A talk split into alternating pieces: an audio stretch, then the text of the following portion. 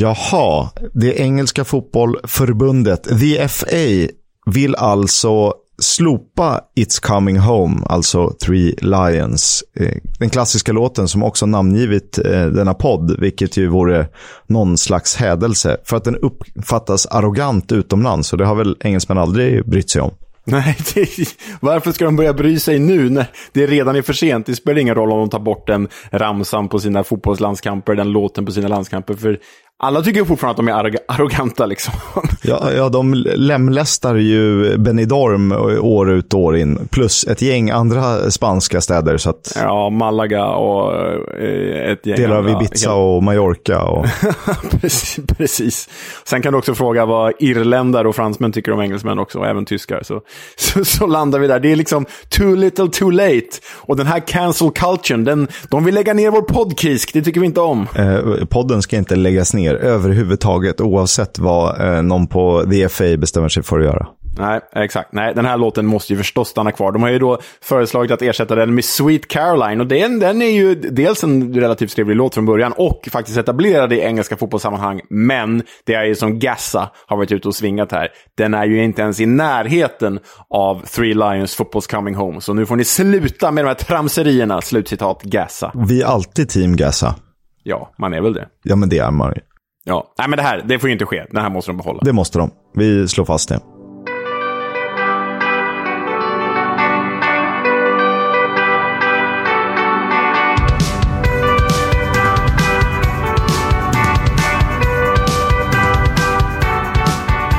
Du lyssnar på Footballs Coming Home. Den heter det. Footballs Coming Home, såklart. Podden om Championship, League 1 och League 2 med mig, Oskar Kisk. Och? Leonard Jägerskiöld Welander. Jaha, hur är läget i övrigt, Leo? Rafflande slutstrid att vänta i Championship framför allt, men även i League 2. Mm, nej, men det blir ju ohyggligt spännande där som vi ska prata upp lite de här sista playoffplatserna. Kommer Luton att klara det? Kommer Sheffield United att klara det? De möter ju precis nykrönta nykorade mästarna Fulham. Det måste jag ju trycka på när jag får chansen att säga det. Eh, säkert lite bakis Fulham också. Eller har Middlesbrough, eller kanske till och med Millwall, chansen att ta sig in på playoffplatserna? Det får vi se, Kisk. Det är en jäkla spännande helg framför oss. Lördag 13.30 är det eh, en helt galen dramatik. Eh, men det ska vi återkomma till lite. Vi gör som vi brukar. Vi börjar med att backa bandet och prata om det som har hänt. Och vi eh, kickar igång den här podden med fredagsmatchen. Lite av en höjdare ändå. Eh, jag trodde på förhand, vi trodde på förhand att det skulle bli en väldigt trevlig match. Och det blev det ju faktiskt. Eh, en match med två halvlekar. QPR, Sheffield United. Mm, där QPR ändå inledde ganska starkt får man ju säga och tog ledningen genom Charlie Chas Austin en halvtimme in. Och eh, ja, QPR såg ju stundtals bättre ut än på flera, flera, flera månader. Men det räckte ju inte till slut eftersom att The Blades faktiskt gick och vann den här matchen. Viktigt för dem med 3-1. QPR ställde upp eh, med eh, femte målvakten Murphy Mahoney i, eh, i mål. Ett ja. otroligt namn. Det är nästan lite USA-deckar Tom Selleck-polis-namn. Ja, ja, verkligen. Eh, lite, andas lite noir, noir-deckare också. Murphy Mahoney. Men visst, skulle också kunna vara en tandlös hockeyspelare i Minnesota. Eh, ja, i Minnesotas AHL-lag, eller vad heter de här farmarligorna. och han, han, men det är ett namn vi lägger på minnet i alla fall. Det är det, för han gjorde vad han kunde för att hålla siffrorna nere. Men lyssna på det här.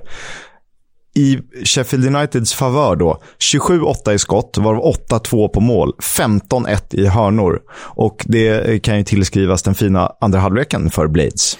Ja, men eh, nu är ju QPR som sagt det riktigt pushover-lag, laget att möta just nu helt enkelt. Men det är ju en, var ju en imponerande insats av Blades här och man frågar sig om björnen har vaknat. Vi ska komma ihåg att vi skrev upp dem främst på grund av mig. Inte tack vare mig, på grund av mig. Vi skrev upp dem som mästare i vårt tips inför säsongen, så det finns ju en trupp här som eh, är sugen på att komma tillbaka till Premier League. Och, och, om de nu vaknar inför ett eventuellt playoff, då kan de andra få det svettigt.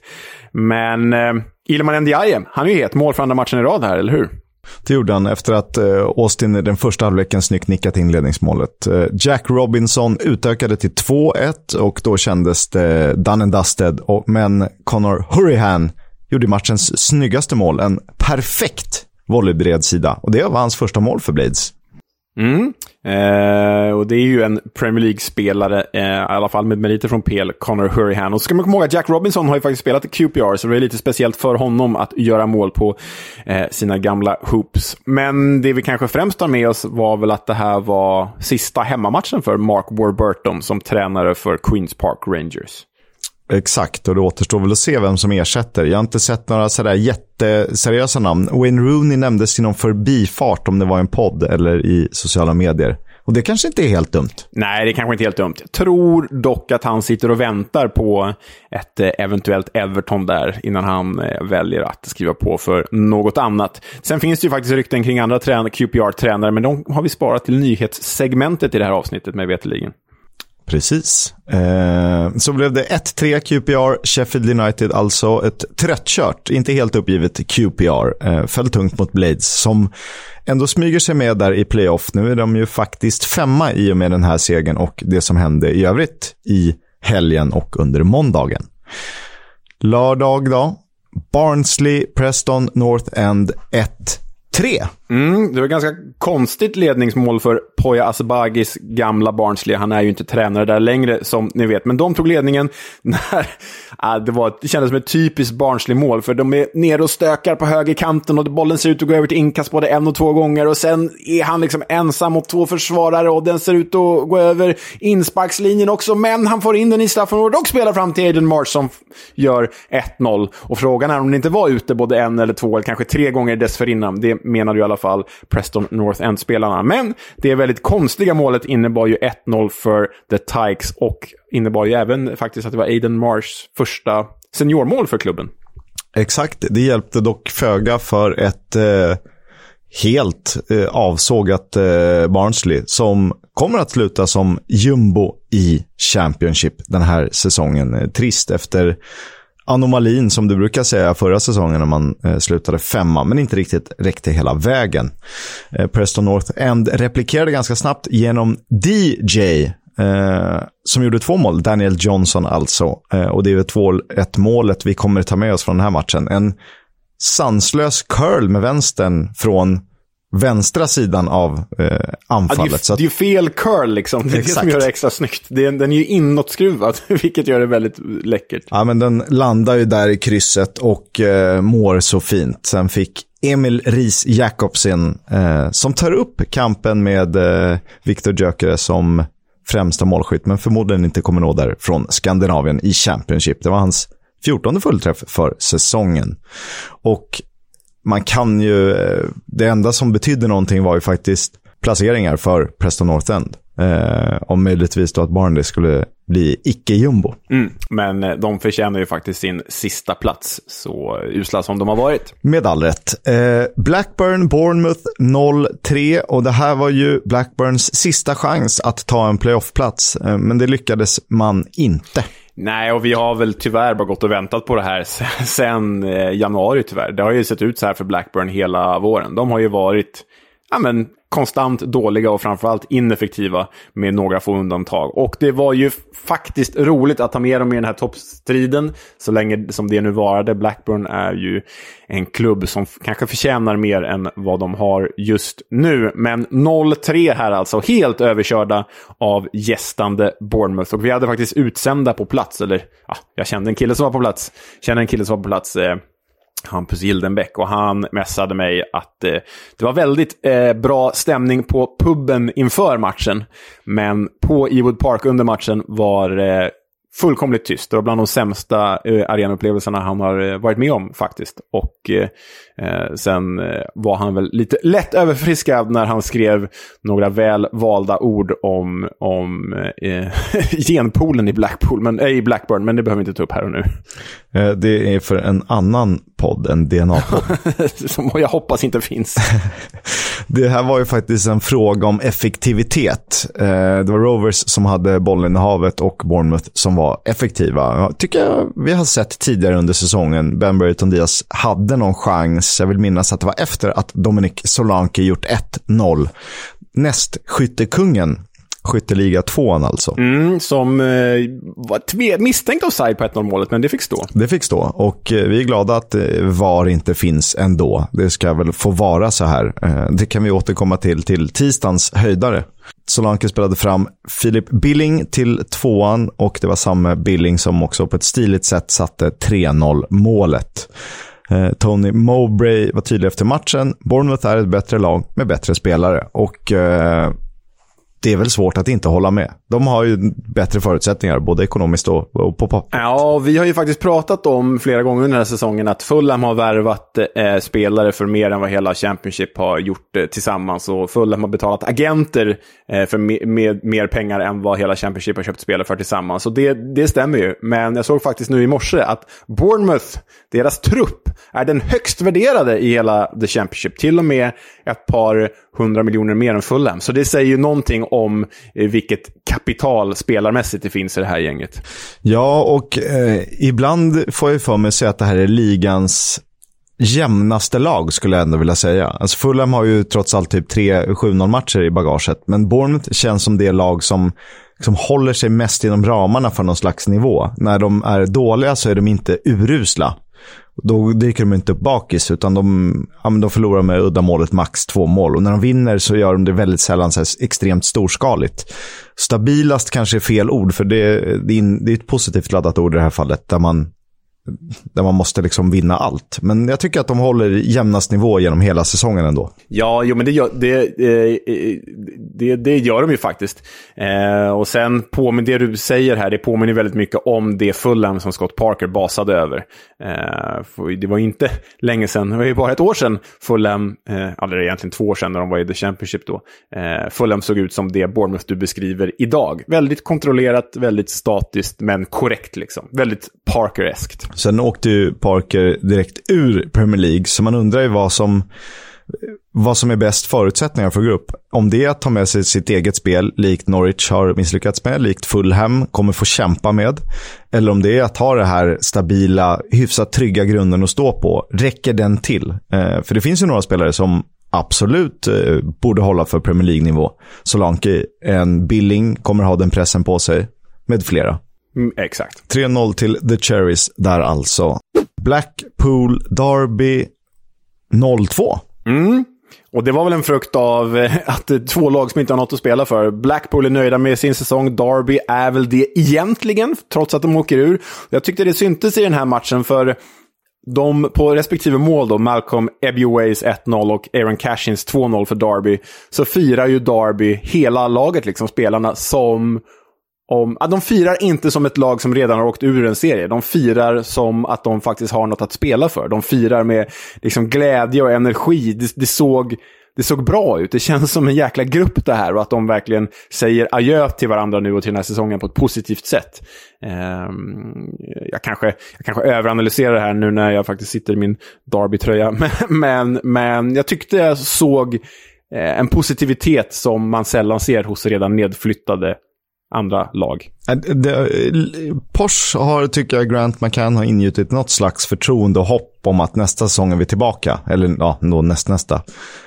Barnsley har man ju inte sett det här. Det har ju varit liksom ganska sänkta skallar ändå genom hela säsongen. Eh, medan Derby har eh, tagit det positivt. Sen får vi se vilka de får behålla. Och det är inte helt omöjligt att deras största akademiprodukter hamnar i Championship eller kanske till och med eh, Premier League. Men de kan ju också lånas tillbaka, vem vet?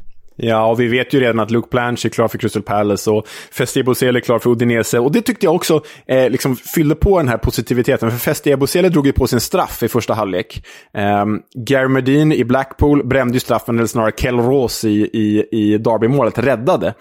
Och eh, väldigt, tyckte jag, starka bilder. När Rås har räddat så springer ju Festia Bosele fram, han som orsakade straffen. Springer fram till målvakten Rås, kramar honom så djuriskt hårt och viskar något i örat på Rås som jag inte vet vad han säger. Men det var en sån enorm tacksamhet från Ebosele till Rås där. Att det är synd att det här gänget ska splittras. För det känns, det känns verkligen som ja, med sista sommaren med gänget. Typ den känslan nere på Derby. Kramen var ju så lång och så djup så att det nästan är någon slags ofredande. Eh, utan att göra sig lustig bredvid det. Det var nästan så att Kalle Rås till slut bara, nej men snälla, jag räddade en straff och du orsakade den. Börja spela fotboll nu. Exakt. 4 000 tillresta Derby-supportrar i alla fall och deras stöd går ju inte att inte hylla. Nog. Nej, men det är ju... Alltså, det, det är li, Derby har lika mycket bortasupportrar på en, eh, för, ett nedflyttat lag i, i näst sista säsongens match i Championship som Elfsborg har på sina hemmamatcher i Allsvenskan. Alltså, det är starkt. Det är starkt av ena och lite svagt av andra. Så kan vi sammanfatta. Så kan vi sammanfatta det. Hur ska man sammanfatta Bristol City som har spottat upp sig rejält? Alltså jag kan fortfarande inte begripa att de är närmre botten eh, positionsmässigt än vad de är någon slags övre mitten i West Brom och Coventry-träsket. Men så är fallet och de stod ju för en resultatmässig utskåpning, även om det liksom, statistikmässigt var hyfsat jämnt. De piskar till Hall med 5-0. ja, och eh, den här fantastiska trion gör ju då alltså Andy Weimann gör 2 plus 1, Chris Martin gör 2 plus 1 och Antoine Semenyo gör 1 plus 2. Och då vill ju du lansera smeknamnet WSM. Och det är inte jag som har lanserat. Det är ju i Robins-kretsar eh, de kallar det. Jag tyckte det var lite svagt. Eh, men jag satt och fnulade på något bättre, men kom inte riktigt fram till något. Men det, det, är ju som du säger, de sitter alltså på, om vi räknar bort Fulham, för Fulham har ju varit i en, en egen stil, men om vi räknar bort Fulham, sitter inte Bristol då siffermässigt, alltså om vi räknar mål assist, på den bästa offensiva trion i hela serien? Och då undrar man ju hur sablar kan de återfinnas där nere, där de faktiskt gör? För de har ändå på pappret hyfsat kompetenta spelare. Tamas Kalas som är liksom tjeckisk landslagsman och Bentley som är en hyfsat bra målvakt. Eh, och, och liksom gamla Premier League-vinnare i, i, Andy King och, och Matty Taylor. Det finns, finns ju ändå på pappret hyfsat bra figurer i det här gänget. Borde de inte vara bättre då med den här sanslösa offensiva trojkan? Ja, men ser man till mål och assist per 90 minuter, eftersom Anton Semenyo inte har spelat hela säsongen, så har de ju eh, tvåan och sjuan på topp 10-listan. Och eh, Swansea har förvisso två, eh, men i övrigt är det bara Fulham som har två. Mm.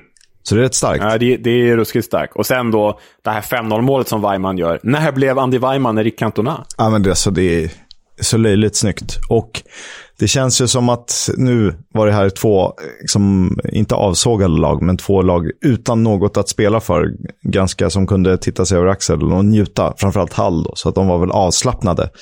Men eh, Andy Weimann, wow. Vilken säsong han gör. Ja, men det är helt otroligt. Och ni måste, ni som inte har sett det målet, ni måste youtuba fram Bristol City Hall och kolla 5-0. För det är ju en repris på Cantonas chip i, i krysset. Ni vet den klassiska när han fäller upp kragen och tittar sig omkring. Det, det är ju det målet. Lite, inte lika rent i krysset, men det är, det är ju ändå en kopia. Ja, det är det. det, är det. Han um, har fog för att vara där han är, som vi ska prata om senare i det här avsnittet. Ni vet ju vad som hägrar lite senare.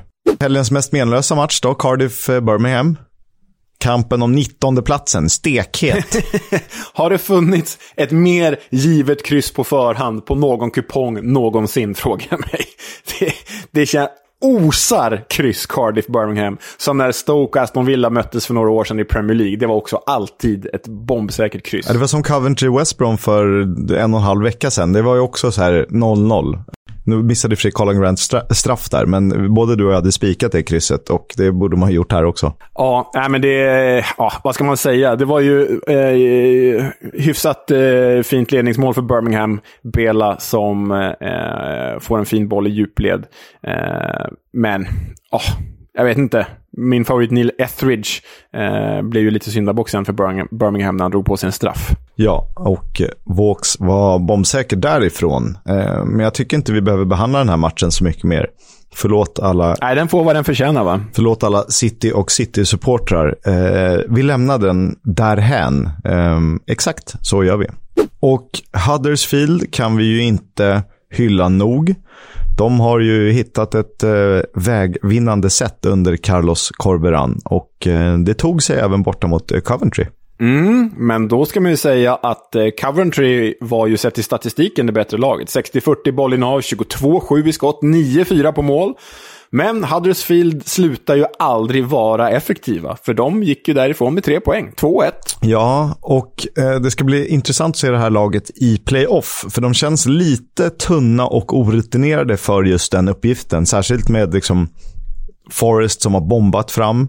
Eh, ett Sheffield United som vi vet har en högre kapacitet än de visat hela säsongen. Och de tror jag blir jobbigast att möta i ett playoff.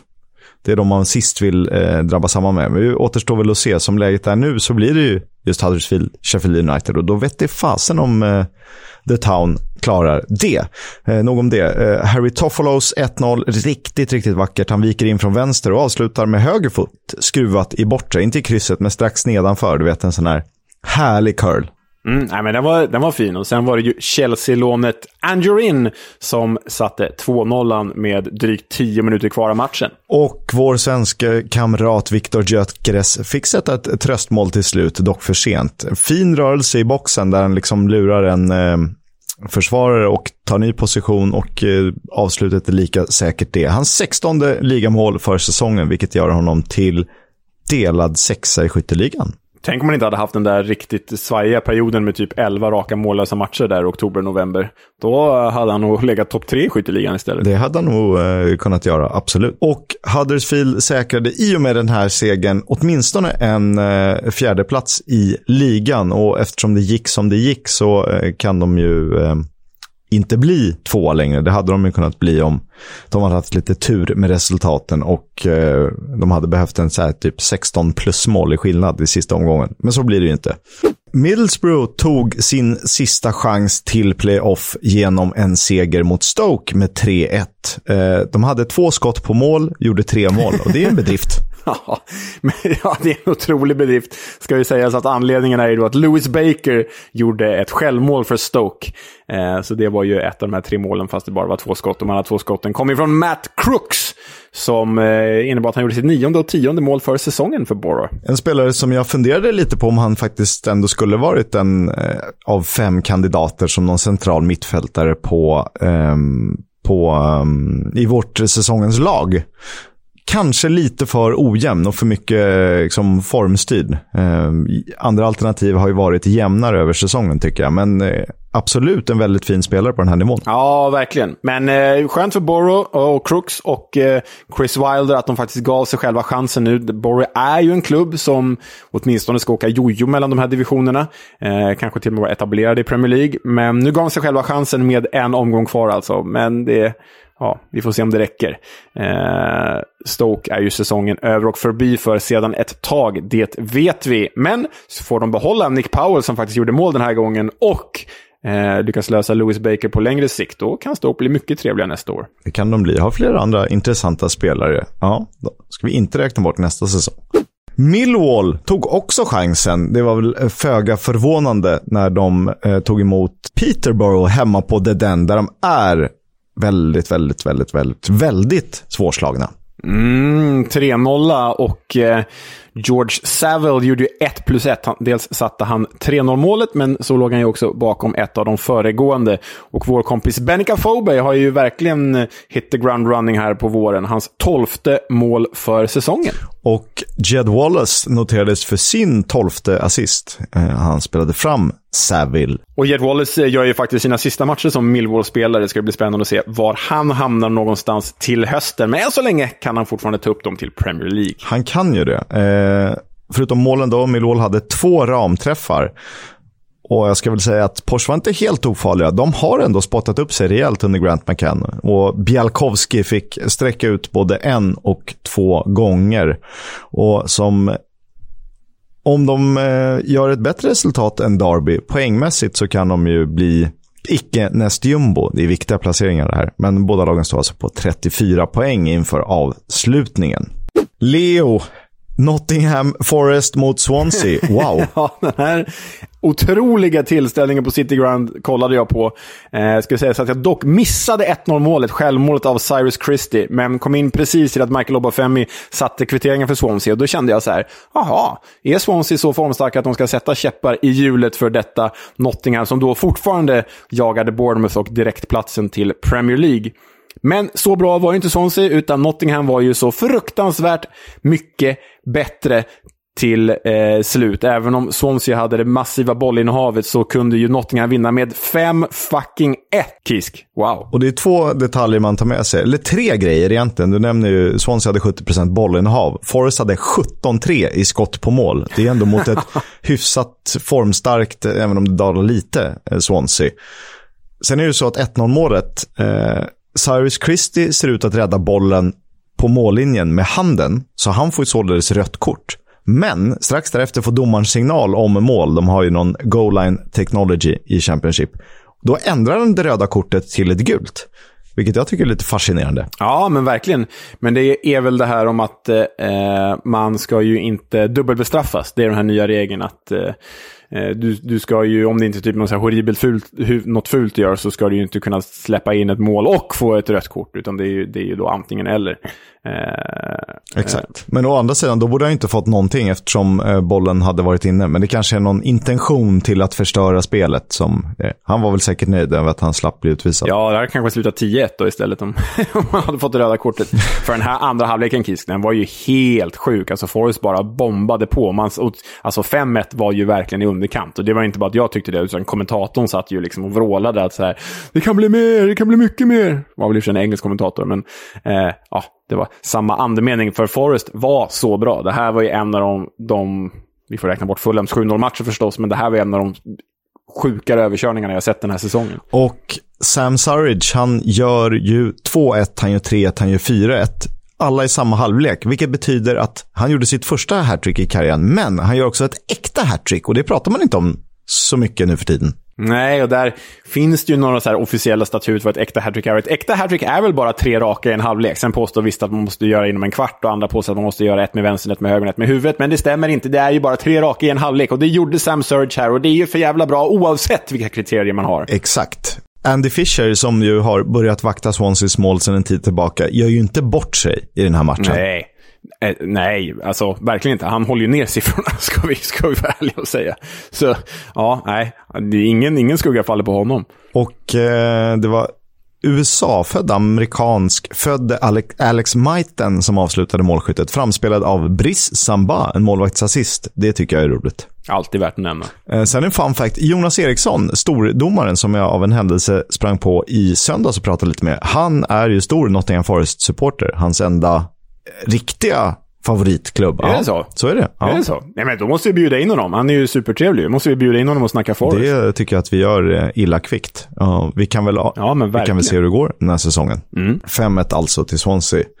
Eh, en match eh, mellan ett lag som är väldigt nöjda att de eh, får spela Championship nästa säsong och ett lag som nog inte är särskilt nöjda över att de tvingas spela Championship nästa säsong. Reading West Brom 0-1. Ja, och den här matchen får väl också vara den förtjänar. Det var ju Carlin Grant som avgjorde för The Baggies borta mot The Royals och det var väl en förväntad seger, men West Brom håller på att summera en för dem helt katastrofal säsong. Eh, ja, och Reading är väl bara... Reading känns som att Reading bara har slutat spela nu när de har säkrat kontraktet. De, de skiter i det här. de laddar till nästa säsong. Ja, och därför hade de noll skott på mål. Men eh, Callum Robinson till Colin Grant för åttonde, säsongen, för åttonde gången den här säsongen, vilket är eh, näst mest i ligan. Det är bara Harry Wilson till Alexander Mitrovic som är målgladare i form av assist till målskytt.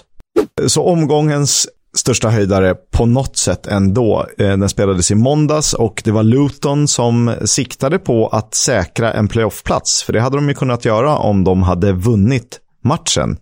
Eh, och det var ju inte särskilt nära att de vann matchen. Även om typ Elijah... Nej, Adebayo spelade inte, men de hade ju matchens första chans va? Ja, det hade de. Men, men det var ju till slut inte så mycket att snacka om. Och jag vet inte, det är klart det är fantastiskt att se sitt lag vinna med hela 7-0 och det för tredje gången den här säsongen. Och därmed säkra mästartiteln också. Men det finns något så här osympatiskt tyskt över det här. Att så här, sluta spela efter 3-0. Ni behöver, ni behöver inte mörda dem. Låt dem ladda ordentligt inför sin playoff. Ni behöver inte slakta dem. Men man ska inte klaga. Det är klart jag måste njuta när, när Fulham för en gångs skull spelar sån här fotboll. Och vem, om inte kapten Kearney, satte 1-0. Oerhört symboliskt mål som då ledde till att de säkrade ligatiteln. Och det 1-0 målet var Fulhams hundrade för säsongen. Och totalt har de nu alltså gjort 106 mål den här säsongen. Bottentrion, Derby, Peterborough och Barnsley har gjort 116 tillsammans. Nej, det är ju... Ja, det är faktiskt helt, eh, helt sanslöst. Och Fulham blir ju därmed då första klubb någonsin att göra över 100 mål i The Championship. Det känns lite oväntat ändå med tanke på att man faktiskt spelar 46 matcher i The Championship. Ehm, jag blev lite förvånad när jag såg det. Men de är först någonsin att göra det. Men en av, de, en av de många stora grejerna här, det var ju att Aleksandar Mitrovic gjorde ju mål 42 och 43 den här säsongen. Och det 43 målet, det innebar ju att han därmed slog Guy Whittinghams andra divisionsrekord från 1993. Han som gjorde 42 mål för Pompey. Och då lät kommentatorerna så här. Alltså när Mitrovic gjorde mål, inte Guy Whittingham. Wilson bursting through the middle. There might be time for one more. And it's Mitrovic!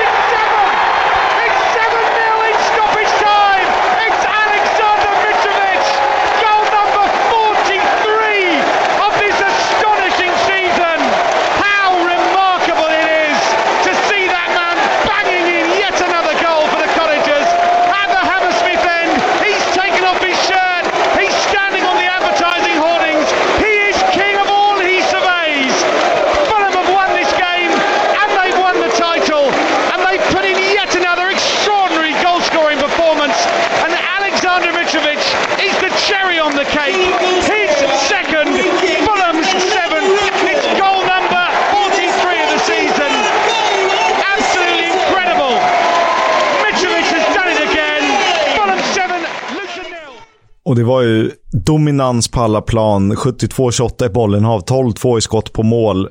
Kollar man på expected goals, 2,68 mot 0,3. Och om man ser målen så är det ju verkligen allt gick in. Och det var många distansskott som hade kunnat gå stolpe ut eller utanför, men som verkligen satt eh, längs med roten. Och det var lite synd om Matt Ingram som nödlånats in från Hall. Eh, han hade ju ingen rolig dag på jobbet. Nej, han då blev ju alltså Lutons sjätte målvakt den här säsongen.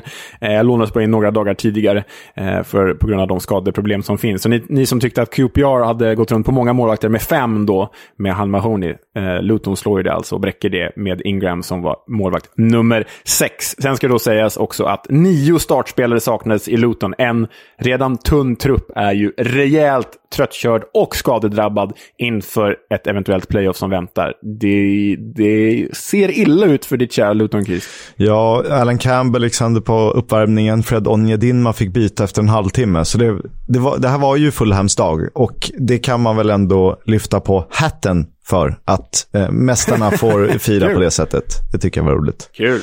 Eh, Karanis 1-0 är ju vackrast av flera fina distanspärlor eh, på Craven Cottage. Och så till den kanske ekonomiskt sett viktigaste matchen den här omgången där Bournemouth hade möjligheten att säkra sin plats i Premier League nästa säsong men där Nottingham Forest ville sätta käppar i hjulet och vid en seger hade kunnat passera Bournemouth i tabellen. Bournemouth som ändå har känts som den klara tvåan. Mm, och eh, de blev ju också den klara tvåan genom att vinna med uddamålet Kiefer Moore med sitt tredje mål på de två senaste matcherna eh, walesaren som gjorde stor succé i eh, EM förra sommaren, som haft en skadedrabbad vår sen han gick till The Cherries. Eh, vilken superhjälte han blir för dem, Kisk. Ja, och eh, det var en intränad frisparksvariant, det är vi ganska säkra på. Väldigt simpel, men också väldigt effektiv, där Billing spelar i sidled och Kiefer Moore skjuter i bortre hörnet när målvakten rör sig, vilket gör det jobbigt såklart. Eh, och det kan vi väl säga att det här var hans tredje mål på knappt 65 spelade minuter för Bournemouth. Det är du. Ja, alltså de tar klivet upp här. Vi får göra det nästa vecka har jag tänkt att vi ska, likt vi pratade med, om Fulhams lag och hur de ska ta sig an Premier League, bör vi göra med Bournemouth eh, nästa vecka. Men vilken anfallsduo de kliver upp med. De kliver alltså upp med Dominic Solanke och Kiefer Moore. Där behöver de inte värva till, till Premier League, är ju känslan. Nej, och vill de bara spela en anfallare så har de ju två eh, lite olika. Jag skulle kalla Solanke lite mer löpstark och Kiefer Moore kanske lite mer eh, skicklig på att positionera sig och eh, en jobbig kille att möta i luftrummet också. Mm, verkligen. Och det ska ju sägas att den här resan, det snackades om det redan under EM när han gjorde mål för Wales, Kiefer Moore, men resan som Kiefer Moore har gjort, alltså han höll ju på att harva i engelska lågdivisioner höll på att ge upp. Tog liksom sabbatsår i USA där han var badvakt. Ni vet, så här Baywatch, eh, David Hasselhoff-jobb. Eh, kom tillbaka till Europa, spelade för... liksom försökte få igång karriären i Viking Stavanger i Norge. Lyckades inte och sen då kämpat sig upp till, till att eh, faktiskt bli en van målskytt i både Cardiff och det walesiska landslaget. Men det är en speciell resa det här och det här är ju en spelare som faktiskt förtjänar ett eget eh, avsnitt någon gång i framtiden. Han är ju faktiskt eh, Premier League-spelare till hösten, vare sig han vill eller inte. Nej, just det. Det blir svårt för oss. Eh, Men man ska ju poängtera att det hade kunnat se annorlunda ut om Sam Surridge fått en straff han faktiskt förtjänade när Mark Travers drog ner honom eller slog ner honom. Eh, för det är ju en klar kontakt där. Men han blir avvinkad för offside innan. Felaktig ska det visa sig sen. Så att eh, Forrest-kommentarerna vi fick eh, när vi gratulerade Bournemouth till platsen var ju, eh, det var ett rån. Ja, och det, det kan man ju faktiskt... Eh, ja, i det, sett i straffen, absolut. Eh, och, och synd är väl att eh, för Forrest att de vaknade lite för sent. De gjorde tränarbytet lite för sent. Om jag får vara självgod satt jag ju här i typ december eller januari och sa att Forrest kommer att komma tvåa. Se det hända. Och det gjorde de ju då inte till slut. Men då låg de ju 18 poäng efter Bournemouth. Eh, nu, nu inför den här matchen låg de tre bakom. Så någon gång ska man ju nästan lyckas tippa rätt i alla fall. Frågan är om de ser eh, säsongen som positiv och tar med sig den här medvinden. Eller om de blir lite knäckta för att de missade chansen nu när de trots allt var så himla nära. Jag säger nog ändå att de går in i det här playoffet som, som favorit. Eh, de har gått på någon mina under den här eh, vårformen, men, men de går in som favorit och Sheffield United andra favorit så länge de säkrar sin plats, skulle jag säga. Men eh, du, eh, det var ju en väldigt speciell match det här för Steve Cook i Nottingham Forest, mittbacken.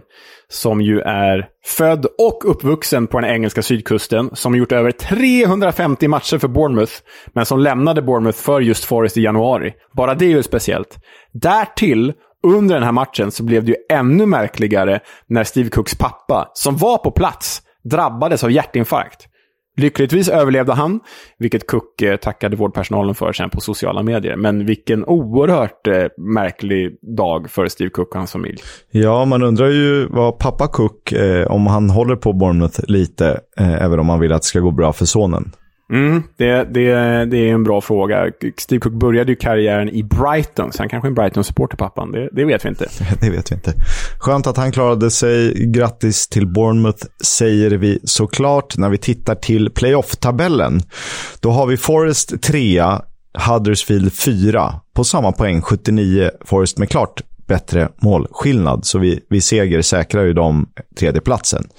Sen på femte och sjätte plats har vi Sheffield United respektive Luton. Och i och med Lutons 7-0-förlust så är de ju en bra bit efter målskillnadsmässigt. Och de har ju sämre målskillnad än Borough som är sjua, bara två poäng bakom. Så ett kryss räcker ju inte förutsatt att Borough vinner. Nej, precis. Alltså, eh, de är ju piskade att vinna och egentligen Sheffield United, alltså alla är ju piskade att vinna där, för Sheffield United är ju inte säkra om de kryssar, för det beror ju på vad Borough och, och Luton gör. För skulle Sheffield United kryssa och Luton vinna, då går ju Luton om Sheffield United. Men om Borough då vinner med mer än två mål, går de om Sheffield United. Så Sheffield United är piskade att vinna, Luton är piskade att vinna, Borough måste vinna för att kunna gå om någon av de två ovanför. Och därtill så har vi ju Millwall på 69 poäng, som kan alltså gå upp på samma poäng som Sheffield United och Luton. Men deras enda chans är ju då till exempel att Luton torskar och att Borough inte vinner och att Millwall vinner själva. Och de möter ju Bournemouth borta i sista om jag inte missminner mig, så den är tuff. Det är klart den är tuff. Bournemouth vill ju såklart avsluta snyggt. På tal om det här med upp och nedflyttningar, det har pratats mycket om fallskärmarna och vilken inverkan de har på fotbollen, eh, både på kort och lång sikt. För att visst, det blir en räddningsplanka så att inte klubbar ska gå upp i Premier League, sen åka ur och bara försvinna ner i systemet för att de brände allt på ett kort och misslyckades. Men det finns ju en baksida också. Ja, och för de som inte är bekanta med fallskärmarna är det ju så att de klubbar som åker ur Premier League, de får en fallskärm på, jag tror upp mot en miljard kronor fördelat på tre säsonger. Och det är ju enorma pengar att komma ner till Championship med. Men det är ju som du, som du säger, kommer man inte ner med sådana fallskärm, då riskerar man ju att konka, för då levererar ju Championship inte de pengar som krävs för att hålla det tidigare Premier League-laget flytande. Men när man då kommer ner de här fallskärmarna så har man ju enorm fördel gentemot de andra klubbarna i Championship. Och det ser man ju också på statistiken. Om Sheffield United då skulle gå upp den här säsongen via kval, så betyder det att fem av de sex senaste klubbarna som har trillat ner de två föregående säsongerna från Premier League har flyttats upp igen. Eh, och där finns det ju en, en, en klar problematik. Och därtill, eh, om man räknar sen eh, 2011, så har då bara fyra klubbar som aldrig spelat i Premier League tidigare eh, flyttats upp. Det är alltså en tioårig period har bara fyra Premier League-debutanter kommit upp. För att annars är det ju klubbar som Fulham, och som Norwich, och som West Brom, och som Sheffield United som bara åker upp och ner, och Middlesbrough, mellan divisionerna. Liksom. Och där har vi en problematik. Men det funkar inte att bara ta bort fallskärmarna. Man måste göra om hela pyramiden. Pengar måste trilla ner från Premier League på ett mycket större sätt än vad det gör just nu. Ja, för risken är ju att det blir, eh, om vi säger 16-17 klubbar i Premier League. Sen blir det liksom som en egen division som är botten i Premier League, toppen Championship, som spelar en egen serie. Om vi tar Fulham, Bournemouth, Norwich, Watford, Sheffield United, Bournemouth. Eh, jag kanske har glömt någon. West, men West Brom, det är ju de klubbarna. Liksom. West Brom. Mm. Burnley. Exakt, då snurrar ju liksom de runt i en liten tombola däremellan. Och så har du övriga lag i Championship som eh, gör sitt bästa. Ja. Och då krävs det ju typ Huddersfield-insatser. De kanske också ska nämnas eftersom det var inte så länge sedan de åkte Nej, de har, det här kanske var sista året de hade fallskärm, va? Ehm, och jag menar, det är ett väldigt tydligt exempel. Det är ju Norwich och eh, Fulham. Tittar man sedan 2018 så har ju då de åkt upp och ner förbi varandra mellan divisionerna. Så Norwich har åkt ner, Fulham har gått upp, Fulham har gått ner, Norwich har gått upp. Så de har inte spelat med varandra sedan, ja, sedan före 2018, för de har bara gått om varandra i divisionerna. Upp och ner varannat år liksom. Och det, det är ju något ohälsosamt i det. Ja, och denna traditionsfyllda playoff-final brukar ju kallas världens mest eh, ekonomiskt tyngda fotbollsmatch. Ja, så är det ju. Det är ju, det är ju minst en miljard kronor som står på spel där för den som lyckas ta steget upp i Premier League. Så ja, man fattar ju att eh, vissa klubbar har gjort misstag eh, att försöka eh, satsa kortsiktigt för att ta sig upp. Typ Derby, typ Sheffield Wednesday och sen misslyckats och så straffas de för det. Och Norwich får vi anledning att prata om i nästa säsong av Fotbolls Coming Home. Mm.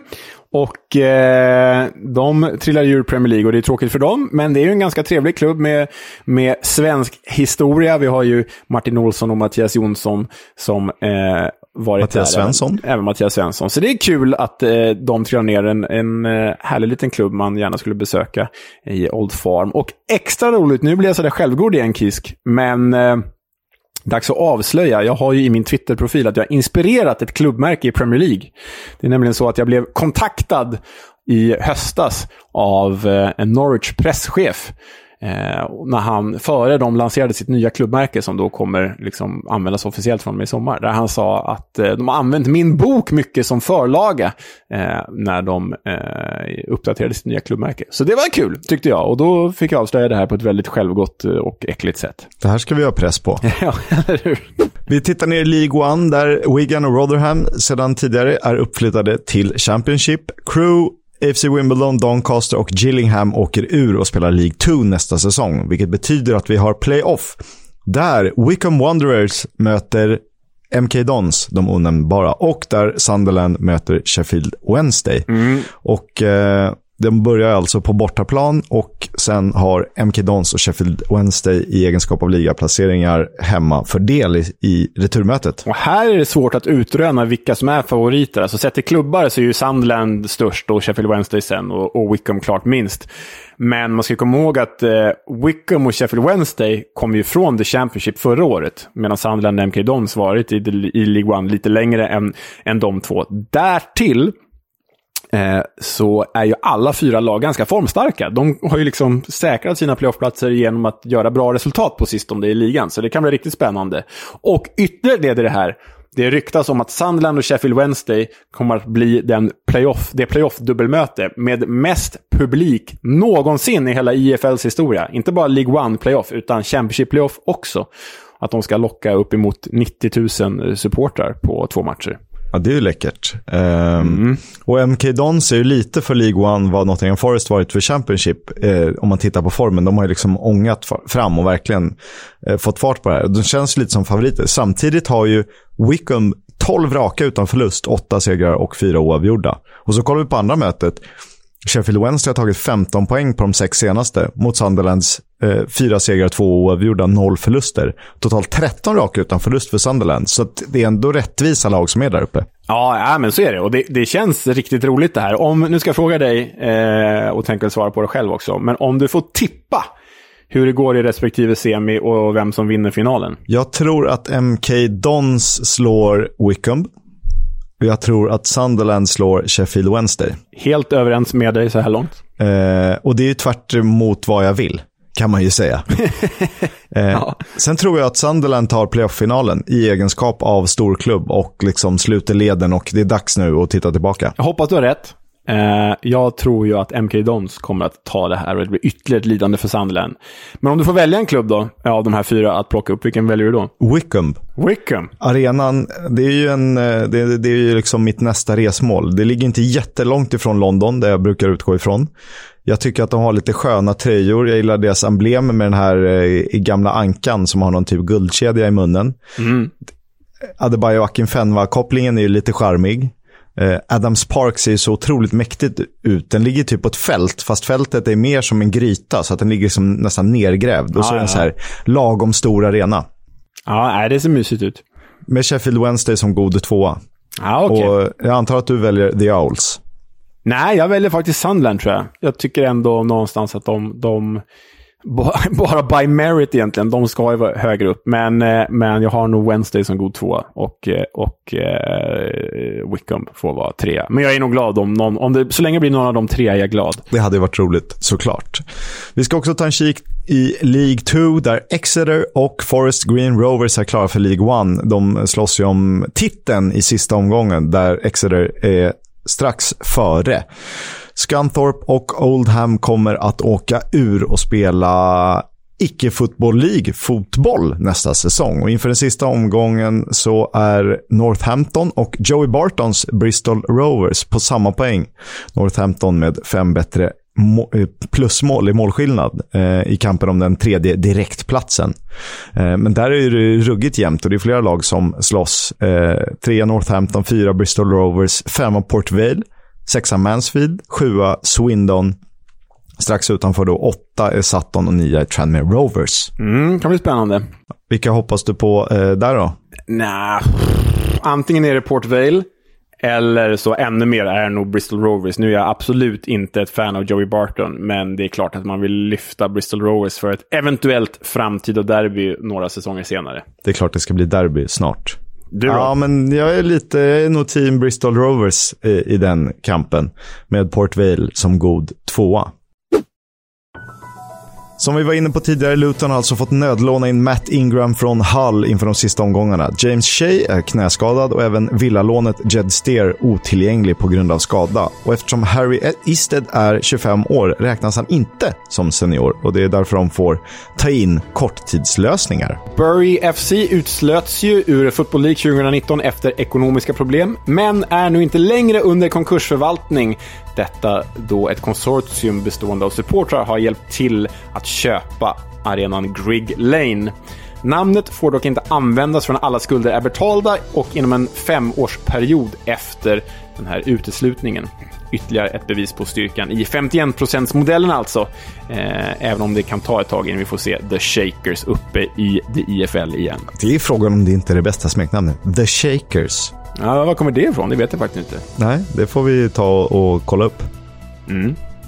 Bournemouths David Brooks är cancerfri och det tackar vi alla gudar för. Det meddelar han och klubben i ett uttalande. Det är fantastiska nyheter och han siktar nu på att ta sig tillbaka till fotbollen. Kanske får vi se honom i Premier League i höst igen. Mm, och det här är ju den klart bästa nyheten på, på mycket länge. Den kanske näst bästa nyheten, det är ju att Fulham är intresserad av Viktor Gyökeres. Eh, det vore ju kul att se honom som en andra gubbe till Mitrovic i Premier League. Även om vi gärna har kvar Gyökeres och gärna fortsätter jaga honom till uteblivna svar nästa säsong. Pappan till det barn som sprang in på planen mot Stoke har nu fått en livstids avstängning utfärdad av Middlesbrough. Och eh, det känns ju som att det här har satts i system till viss del med att man låter barnen göra jobbet, för då får man ingen straff själv. Men nu alltså eh, kanske ett prejudikat som kan få konsekvenser för fortsättningen. Mm. Mm, kan bli riktigt stökigt. Vi pratar ju om att QPR vill ersätta Mark Warburton. Ett av de starkaste ryktena är ju MK Dons manager Liam Manning. Liam Manning som ersatte Russell Martin när han gick till Swansea för snart ett år sedan. Eh, det känns som att Liam Manning vill nog vänta in eh, det här League One-playoffet och se vart det tar honom. För om MK Dons går upp, ja, då kanske han stannar kvar. Enligt Football Insider är Philip Coquy högst upp på listan över kandidater till att ta över Blackburn Rovers. 51-åringen är utan uppdrag sedan han lämnade Derby i november 2020 och jag eh, tillåt mig att vara tveksam till att det här skulle vara en jättebra ersättare till Tony Mowbray. Jag har ingen större relation till Cocu som tränare, men det var en av mina absoluta favoritspelare, så bara man får anledning att prata om honom igen så blir jag glad. Och eh, Tony Mowbray, hans kontrakt löper ju ut med Blackburn i sommar. Han säger att han vill ta tillfället i akt att tillbringa mer tid med familjen innan han åtar sig nästa tränaruppdrag. Rimligt ändå. West Ham United sägs jaga Hull Citys offensiva S Keen Lewis Potter som noterats för 12 fullträffar i ett relativt svagt Tigers den här säsongen. Skulle nog vara en eh, rätt bra värvning och då har vi ju en eh, Jared Bowen kopia tänkte jag säga, men eh, en... Eh, ja, men det är ju samma väg som Jared Bowen. Följer hans fotspår. Mm. Och annat övergångsnytt så har West Bromwich Albion köpt loss Brighton-lånet Jason Malumbi för 10 miljoner kronor inför kommande säsong.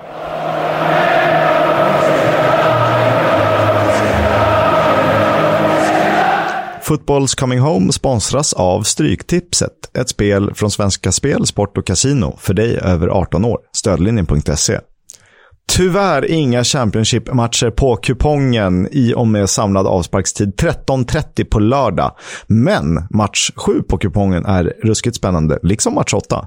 Redan uppflyttade Exeter City, som dock har League 2-titeln i egna händer, möter ett Port Vale som inför sista omgången lagt beslag på en av fyra playoff-platser.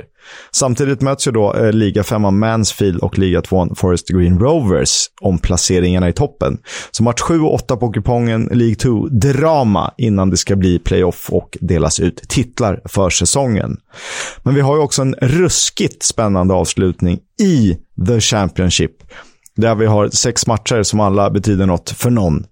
Bournemouth är förvisso redan klara, men tar emot Millwall, tar emot Millwall som i en, eh, en tuff kamp och Millwall måste vinna för att ha en chans på playoff. Hull möter Nottingham Forest, ett Nottingham Forest som har tredjeplatsen just nu.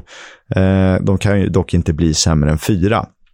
Luton möter Red Reading och det är väl ganska bekvämt för ett Luton som har dalat lite i form, ser lite sega ut, har skadeproblem. Eh, de bör ju vinna eftersom Middlesbrough möter Preston North End och eh, kan komma ikapp.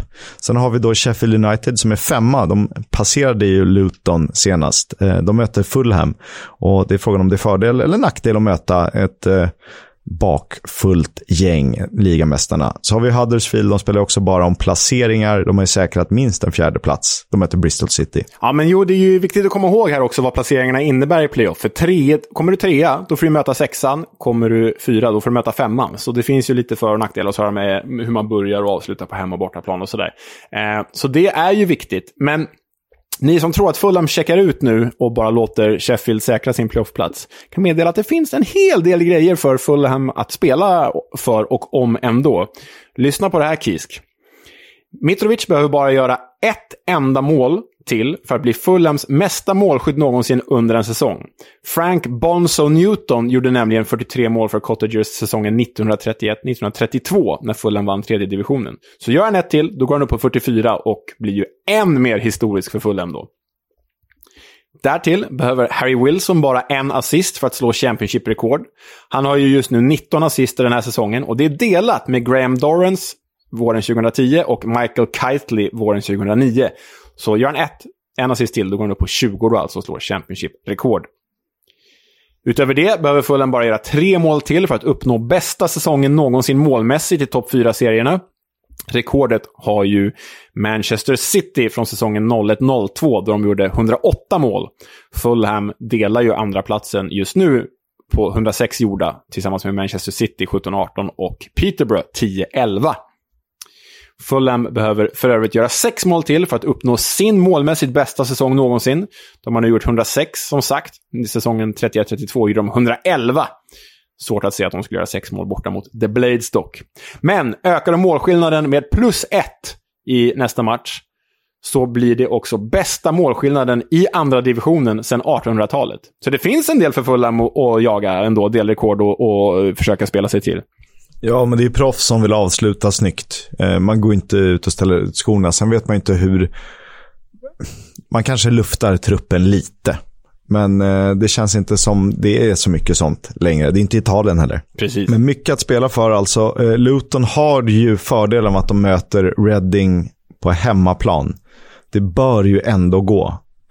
Jag hoppas ju någonstans för fotbollen att de gör det. Att de löser uppgiften. Givet hur de Eh, vill att man bedriver en fotbollsverksamhet. Sen är det ju Nottingham Forest och Huddersfield kommer börja playoffet på bortaplan i och med att de blir tre respektive fyra. Eller fyra respektive tre, det får vi ju se.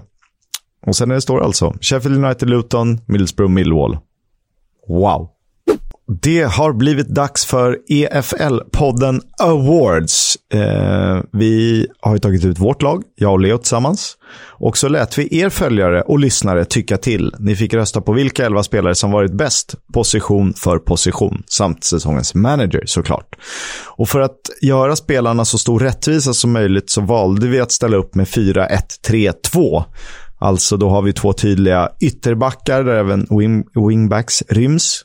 Vi har två eh, ytterpositioner, eller yttermittfältare om man så vill. Vi har en central mittfältare, lite mer sittande, en offensiv mittfältare och två anfallare. Och två mittbackar. Och en målvakt, såklart.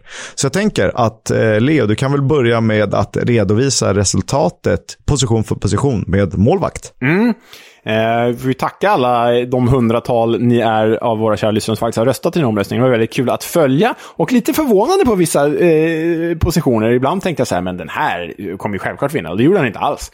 Eh, eh, så nej, överraskande ibland. Och vi, ni kommer ju få höra när vi jämför med mitt och Kisks lag, eller Kisk och mitt lag också. Men vi börjar då med eran, lyssnarnas målvakt. De nominerade var ju Lee Nichols i Huddersfield, Daniel Iversen i Preston North End, Mark Travers i Bournemouth och Wes Fodringham i Sheffield United. Och ni röstade fram Wes Fodringham, mannen som konkurrerade ut Robin Olsen i höstas i Blades. Eh, liten skräll här. Jag ser nog att jag tycker att två av de här målvakterna har gjort det bättre under säsongen. Ja, jag, jag var rätt säker på att Nichols skulle vinna detta, men det gjorde han inte. Wes Fodringham alltså. Er högerback är Nottingham Forests kanon på kanten Jed Spence, som vann före Isaiah Jones, Nico Williams och Andy Jadon. Och här var det väl ingen överraskning. Det var ju självklart egentligen.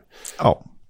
Första mittback eh, stod mellan Nottinghams Joe Worrell och Jake Cooper, Tom Lees och Tosin Adarabioyo, den senare i Fulham. Och honom har ju vi bärsat lite den här säsongen. Han har varit lite ojämn, men han vann med stor marginal här, Chris. Han hade nästan 50% av rösterna, den gode Tossin.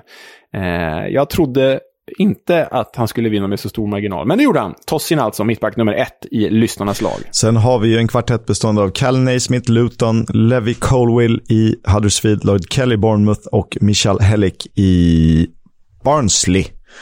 Barnsley. Och det blev Lloyd Kelly, Bournemouth, som vann. Eh, kanske ingen jättesensation eftersom han tog plats i det officiella laget, men ändå, eh, givet vad vi tänkte. Mm. Ja, men eh, du och jag eh, nailade ju en mittback direkt i, i vårt lag. Det kan vi lämna här och nu. Men det var ju Cal Naismith. Han kom inte med alltså eh, på bekostnad... Eh, ah, Tossin och Lloyd Kelly istället för Cal Naismith på bekostnad av honom. Vänsterback fanns ju eh, fyra nominerade figurer. Det var ju Nottingham Forest Max Lowe och Huddersfields Harry Toffolo, mannen med det underbara namnet, och Bournemouths Jordan Zemura samt Fulhams amerikanska landslagsman Anthony Robinson. Och han vann med stor och klar marginal. Mm, kanske överraskande i mina ögon.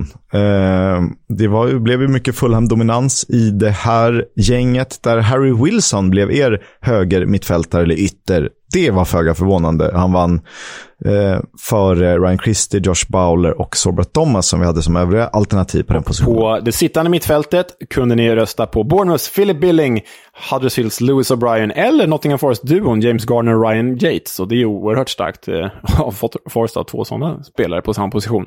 Men det blev ju som eh, eh, jag också röstade på. Philip Billing, dansken som ju förtjänar en plats i Premier League.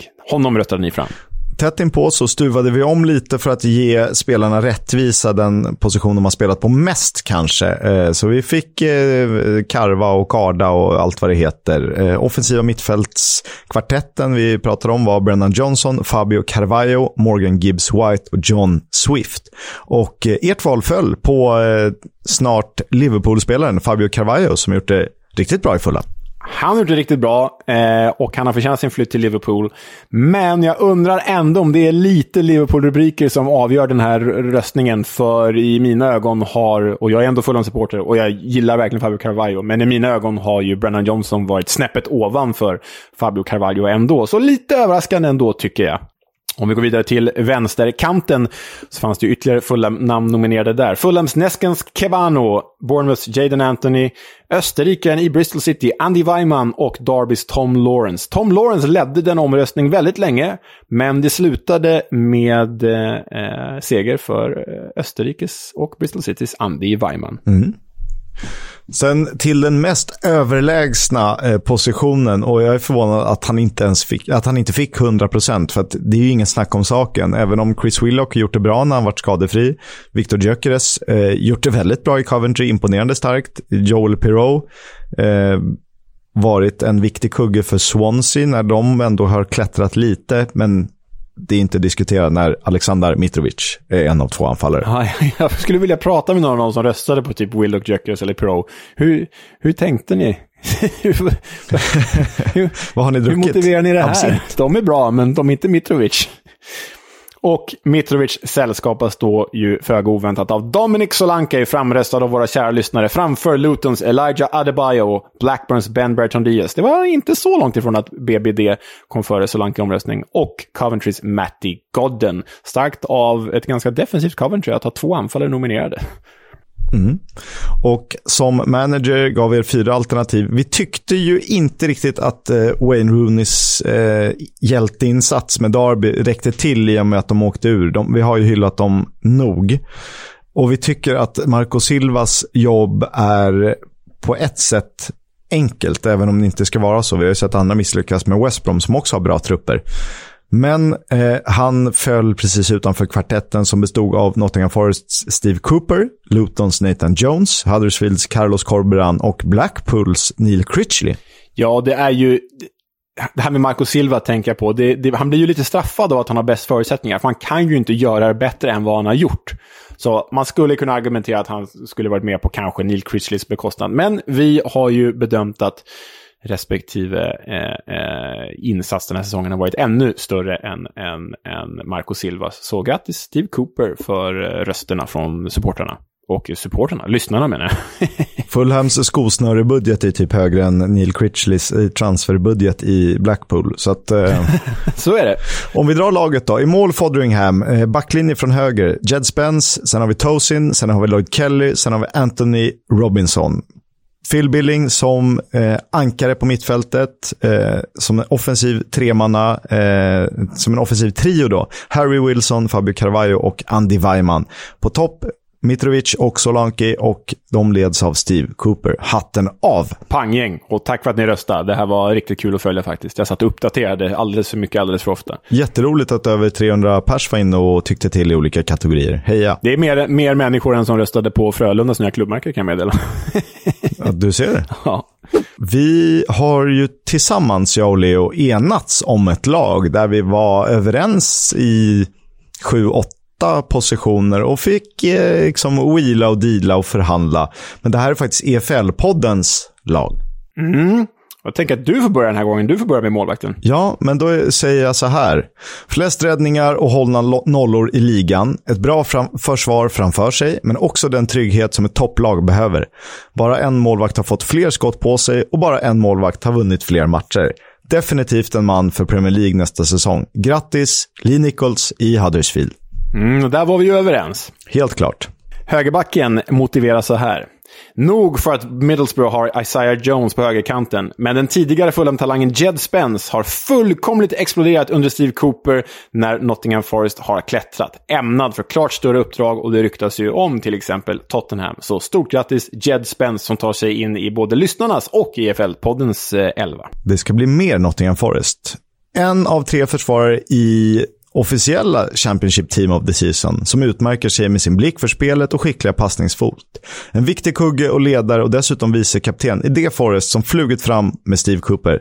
Grattis till en av två mittbacksplatser, Joe Warren. Och eh, han sällskapas ju av den här motiveringen. Möjligtvis den stora överraskningen i elvan, men Caldini har varit viktig för Luton både framåt och bakåt. Förutom viktiga egenskaper i försvaret har han noterats för två mål och sju assist. Mer poäng än någon annan mittback. Mer poäng än Aiden Flint, mer poäng än Rob Dickey. Så stort grattis till Lutons Cal Naismith. Vänsterback då? Det blev aldrig något spel i moderklubben Norwich, men under Carlos Corberan har vänsterbacken gjort stor succé med fem mål och sju assist. Är med det ligans poängstarkaste försvarare och dessutom otroligt viktig för sitt Huddersfield Huddersfield som nu kämpar och kan drömma om en Premier League-plats. Grattis Harry Toffolo. Sittande mittfältet då? Ja, det skulle ju komma mer Nottingham Forest sa du och det gör det ju. Den 21-åriga talangen som tillhör Manchester United visade upp sina skickligheter redan under den senare halvan av förra säsongen.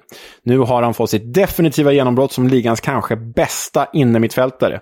Han har oaktat Eh, eh, United-planer, eh, oaktat Uniteds planer lär det bli Premier League oavsett för denna U21-landslagsman. James Garner alltså.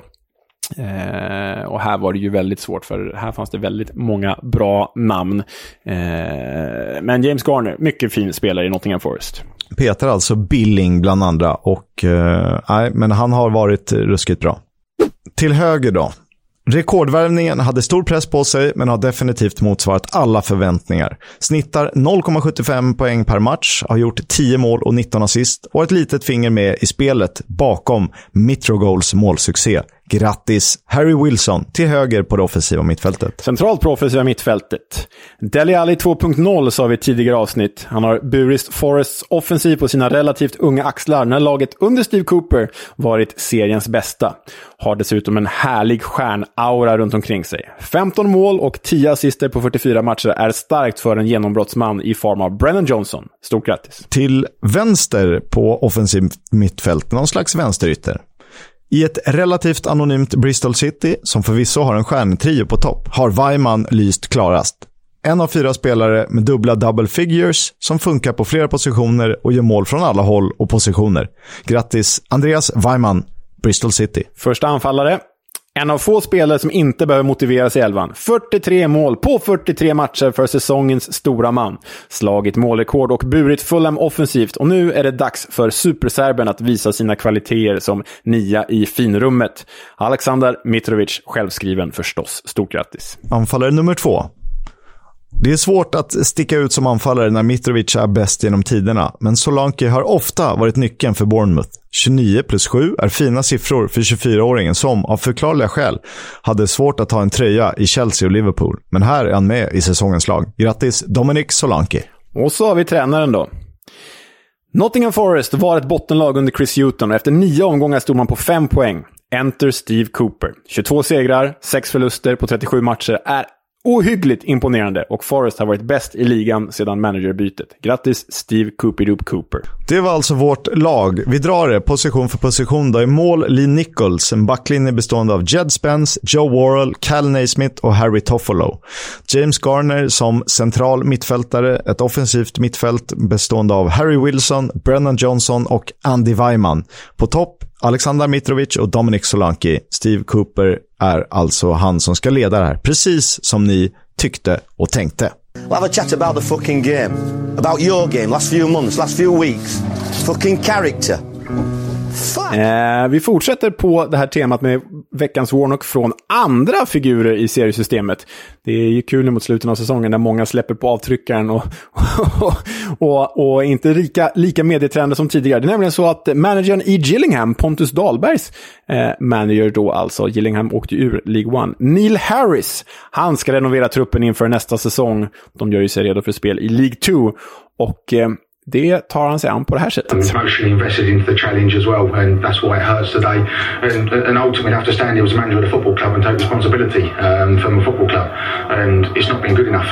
You know the leadership and the the uh, the whole football club has let its fans down this year and that will change while I'm in charge Are you all in for next season then? Do you believe that you've got the foundations to do something here?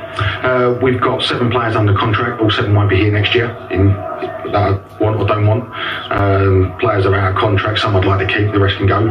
Um, we've not been good enough. You know, the balance of the squad, the fitness of the squad, the standards have been a disgrace at this football club. Um, it has to change, and the fans have been uh, been neglected, to be honest.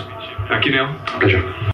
Vi trodde att det skulle bli svårt att fylla veckans Warnock, men eh, då glömmer man ju lätt bort att vi har ju ett 20-tal av Neil Warnock 2.0s i seriesystemet. Neil Harris är bevisligen en av dem. Äh, det är härligt ändå. Äh, den är otrolig. Den är ju... Fy vilken jäkla sågning. Alltså om de inte gör, gör sig av med hela truppen så har ju han absolut ingen framtid där. Ingen spelare kommer ju vilja spela under honom igen. 15 spelare kvar, då kan ju några räkna ut vilka de där 7 och 8 som skulle försvinna eh, var. Eh, stackars krakar. Precis. Vi har ju mycket att se fram emot. Det är alltså sista omgången nu på lördag 13.30. Samlad trupp går de ut. Eh, den ska vi summera nästa vecka och blicka framåt mot playoff-semifinalerna som spelas över nästa helg. Mm. Och sen ska vi ju naturligtvis leda er igenom playoff-finalen. Exakt hur vi gör det, det um, återstår att se. Men att vi ska göra det, det är givet såklart. Vi tror kanske inte att det blir något The Club nästa vecka. Vi hoppas att ni inte blir uh, för ledsna över det. Men det är ju League Dels är det, det sista Championship-omgången att summera och vad som händer där, det kan vi ju bara förutse och det känns ju otroligt kul. Det är dessutom League One playoff-semifinaler att diskutera. Vi har ju League 2-dramatik att ta ner, så att vi tänker att vi kör full liga-fokus nästa vecka. Och sen återkommer väl The Club eh, genom dig om två veckor då? Mm, ja, men precis. Det, nästa avsnitt blir väl rejält djupdykande i förutsättningar och sådär inför våra kära Championship-semifinaler. Eh, så missa inte det. Vi ska verkligen gnugga förutsättningar här. Allt från skadade vänsterbackar till avstängda anfallare till spelare i form. Det blir kul. Det blir jätteroligt. Och tack till er som var med och uh, röstade och la ner tid på att få ut uh, säsongens lag. Vi uh, säger tack till Stryktipset. Vi säger tack till varandra för den här poddens avsnitt. Vi hörs! Ciao! Upptäckta vägar, de han tar.